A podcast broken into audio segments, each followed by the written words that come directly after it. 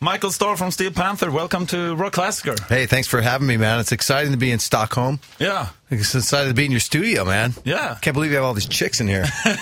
I know. crazy. A lot of blondes. it's really cool because there's like a Steel Panther illuminated sign. Yeah. Right? A couple Yeah. guitars. Synthed up, yeah. Some naked chicks. exactly. Perfect. All you need. Everything you need. When, Yeah. when it comes to like life in general, my philosophy is women are fun to be with. They're Mm-hmm. a fun companion. And a guy that, that has the party material and some guitars. That's perfect.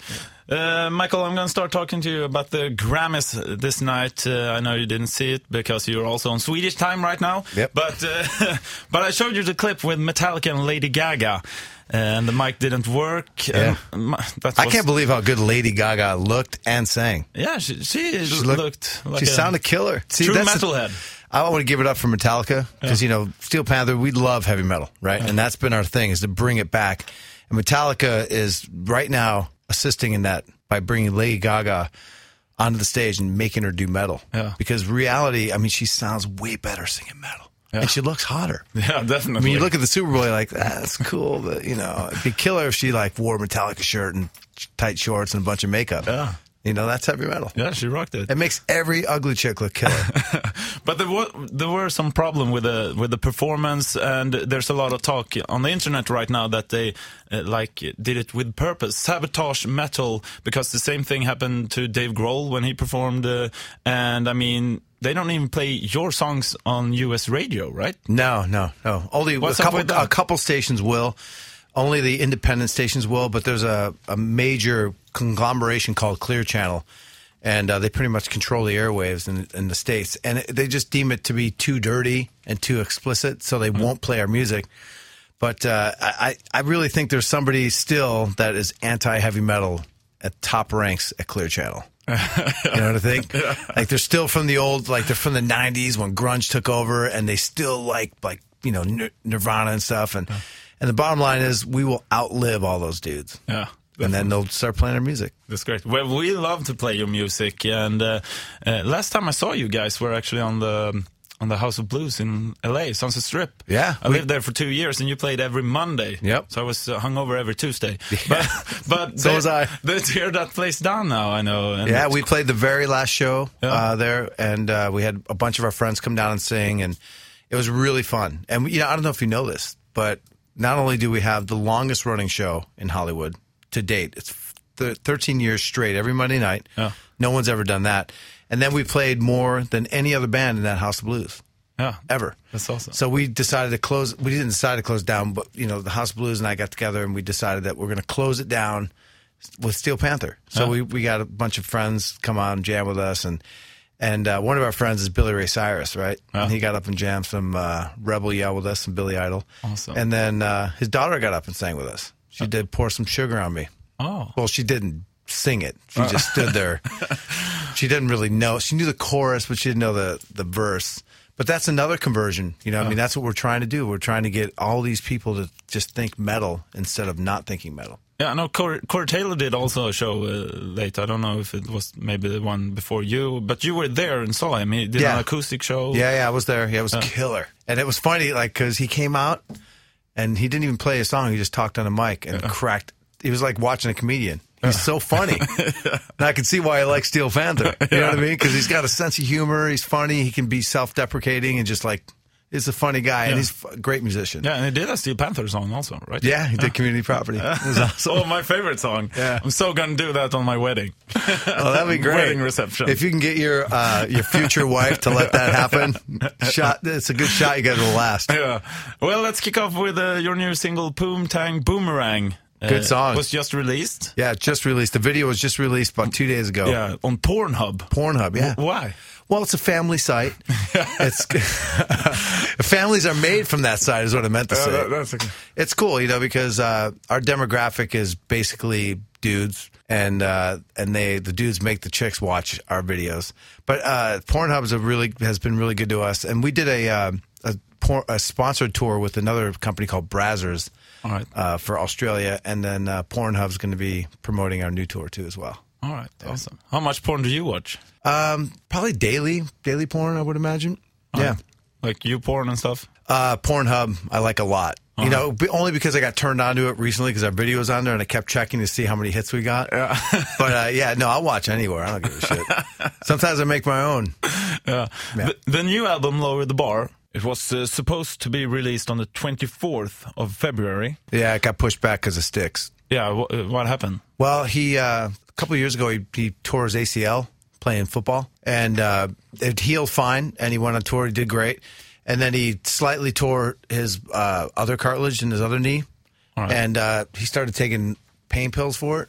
And he, he was taking like one every four hours, and then he flipped it around. It was four every hour, and then it was like ten every hour, and then forty a day. And then by that time, he was just. It was time for him to take a break. He came into rehearsal. I didn't even know who he was. He's like right. all cross-eyed and pale, and you know, dude, you gotta stop taking pain pills. He's like, okay. All right, stop, no rehab?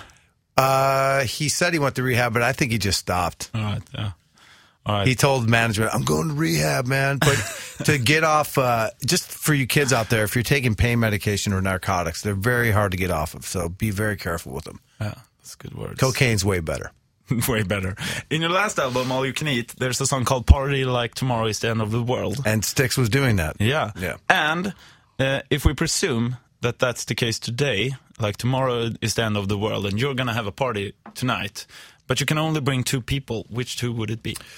Uh, one would be Eddie Van Halen because I always wanted to jam with Eddie Van Halen, Hmm? and then I would teleport back to 1989 and bring Pamela Anderson with me in that age. At that age, yeah, that'd be cool. And then she would never age, and I would have a bigger penis.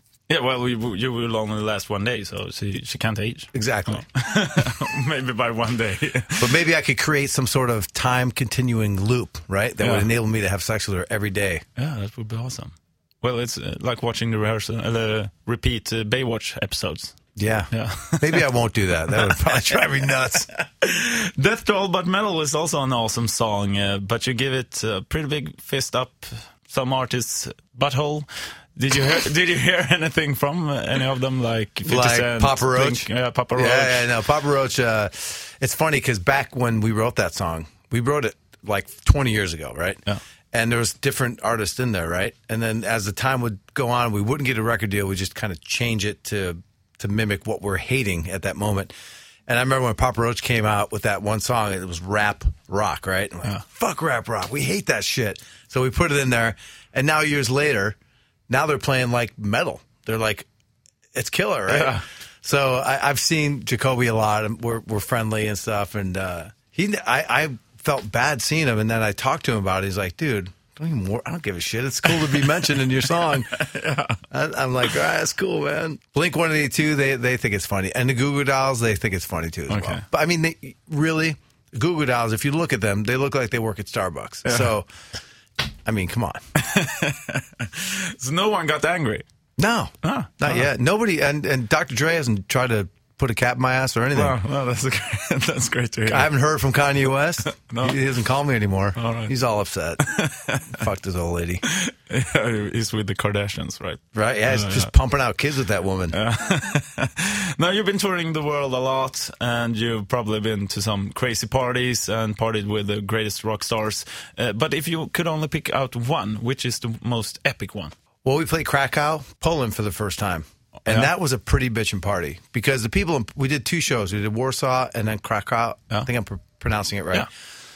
And uh, we, the first show we did was in uh, Warsaw. And then, I'm not kidding you, at least 50 or 60 of those people caravan to the next show. All right. And we all had a party on the bus, and it lasted till the next day when we had to leave at five in the morning. And that was a really epic time. It was fun. Yeah. Yeah. And I, you know, we, that was my first experience having sex with some Poland chicks. It was really fun. yeah, how was that? It's killer. Killer. They're so grateful. like, oh, yeah, th- thank you so much. I'm like, well, thank you. Uh. you know? Yeah, exactly. And they're nice. They talk and, you know, they don't speak great English, which is good because then you don't have to hear them talk when you're done fucking. Yeah. But um, it was really fun. Good time. Yeah. No drugs. no drugs. No, it's illegal there. Is it? Yeah, it is. Maybe. It is. It is not. Fuck. now you talked about the neon sign, Steel Panther. Here The neon sign, you, you can get it online. It's a Steel Panther neon sign. Yeah, I How did- many colors can you get? Uh, like four or five. Four or five colors. We're not s- these. I am not promoting something that the band is selling. This is something you found online. Uh-huh. Yeah. and uh, all I got to pay for is shipping. And I got to tell you, just looking at it, it's it's pretty bitching. It looked great in your kitchen or your bathroom. Yeah. Or your bar, above your bar at your house. exactly what I'm gonna use it for. Uh, but I was pretty drunk when I ordered it. Actually, it said free. Yeah, fuck yeah, and that got me thinking. Like, what's the most weird stuff you've bought online, but while being intoxicated? Well, I tried to order some cocaine, but that didn't work out. Have you ever uh, heard of Amazon? Yeah, So Amazon in the states, it's pretty common, and you can order whatever you want whenever you want. And uh, I ordered condoms, and they delivered them straight to my house in one hour.